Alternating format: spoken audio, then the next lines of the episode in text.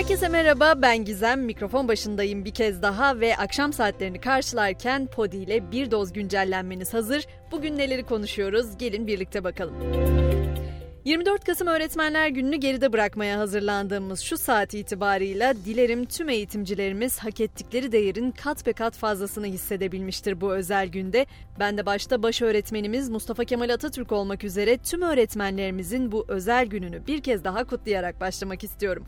Tabi bu özel gün özelinde bir de açıklanan sınav sonuçları var. Tepkilere rağmen yapılmıştı o sınav biliyorsunuz. Öğretmenlik kariyer basamakları sınavından bahsediyorum. İşte o sınavın sonuçları da tam olarak bugün açıklandı. Biraz böyle eğitim başlıklarını başa almak istedim çünkü bugün bunun günü bunu konuşalım istiyorum. 14 ülkenin bir araya gelerek kurduğu küresel yapay zeka ortaklığına Türkiye'nin kabul edildiği bilgisi var. Yapay zeka teknolojilerinin 2030 yılında 15,7 trilyon dolarlık ekonomi oluşturması bekleniyor.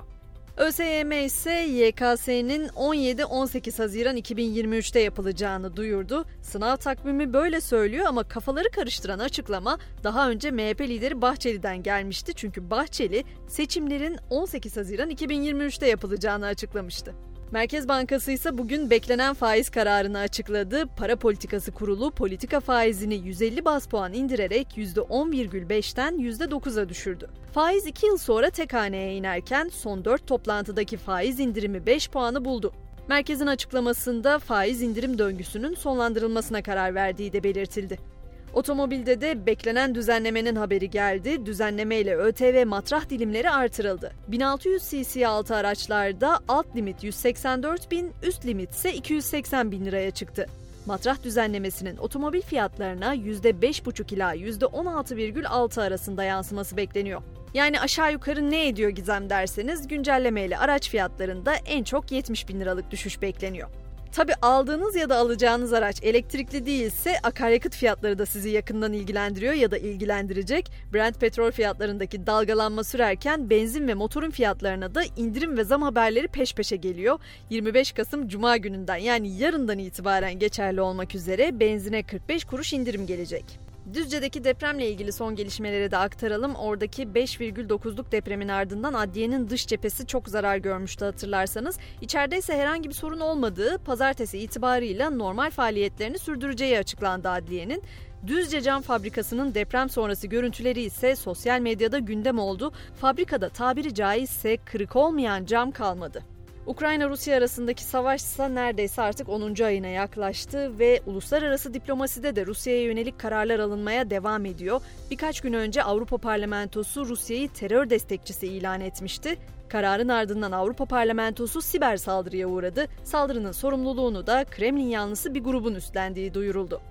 Uzun süredir konuşmadığımız konu da tekrar gündem oldu çünkü Çin'de günlük koronavirüs vaka sayısı 31.444 kişiyle rekor düzeye çıktı. Birçok kent karantina kurallarını sertleştirdi. Pekin'de de okullar çevrim içi derslere başladı. Brezilya'da ise havalimanları ve uçaklarda maske tekrar zorunlu hale geldi. Karar ülkede vaka sayılarındaki artışın artan turist sayısıyla daha da artabileceği gerekçesiyle alındı. Bizden haberse İlber Ortaylı'dan kendisi de koronavirüse yakalanmış durumda. İklim aktivisti Last Generation grubunun üyeleri ise bu kez Almanya'da Hamburg Filarmoni Orkestrası'nın verdiği konseri sabote etti. Sahneye atlayan aktivistler ellerini şefin kürsüsüne yapıştırdı. Peki Google'da bu yıl en çok hangi isimler aratılmış hiç merak ettiniz mi? İlk sırayı olaylı boşanmasıyla Amber Heard kapmış gibi görünüyor. Heard'ın ismi tam tamına 5 milyon 651 bin 700 kere aratılmış. Listenin devamında ise tabii onun takipçisi Johnny Depp, Kim Kardashian, Kraliçe Elizabeth, Elon Musk gibi ünlüler yer alıyor.